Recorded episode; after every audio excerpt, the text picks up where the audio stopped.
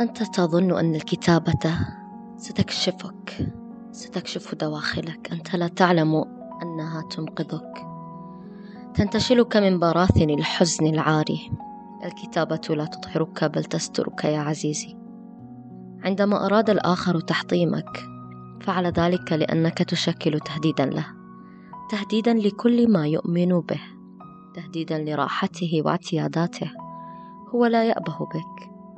بل يأبه بما يريده منك وإن لم تفعل ما يريده منك سيقوم بكل ما يمكنه حتى يمنعك من ما لا يريده.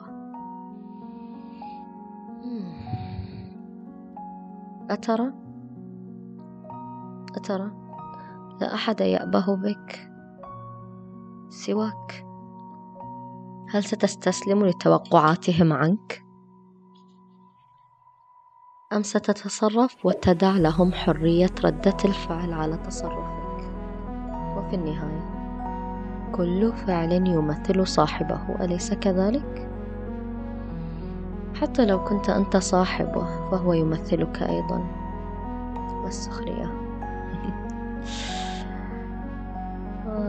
آخ لطالما أمدت بؤسك بالسخرية. ولطالما كانت السخرية فعالة في علاج أحزانك ستضطر لأن تسخر طوال عمرك لأن هذه الحياة قاسية.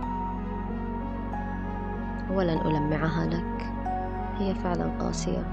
فإما أن تكون أنت أيها الإنسان كحبات المطر الخفيفة التي تخترق الصخر بلين وسهولة أو تكون كالبرق. تخترقها دفعة واحدة. الخيار لك.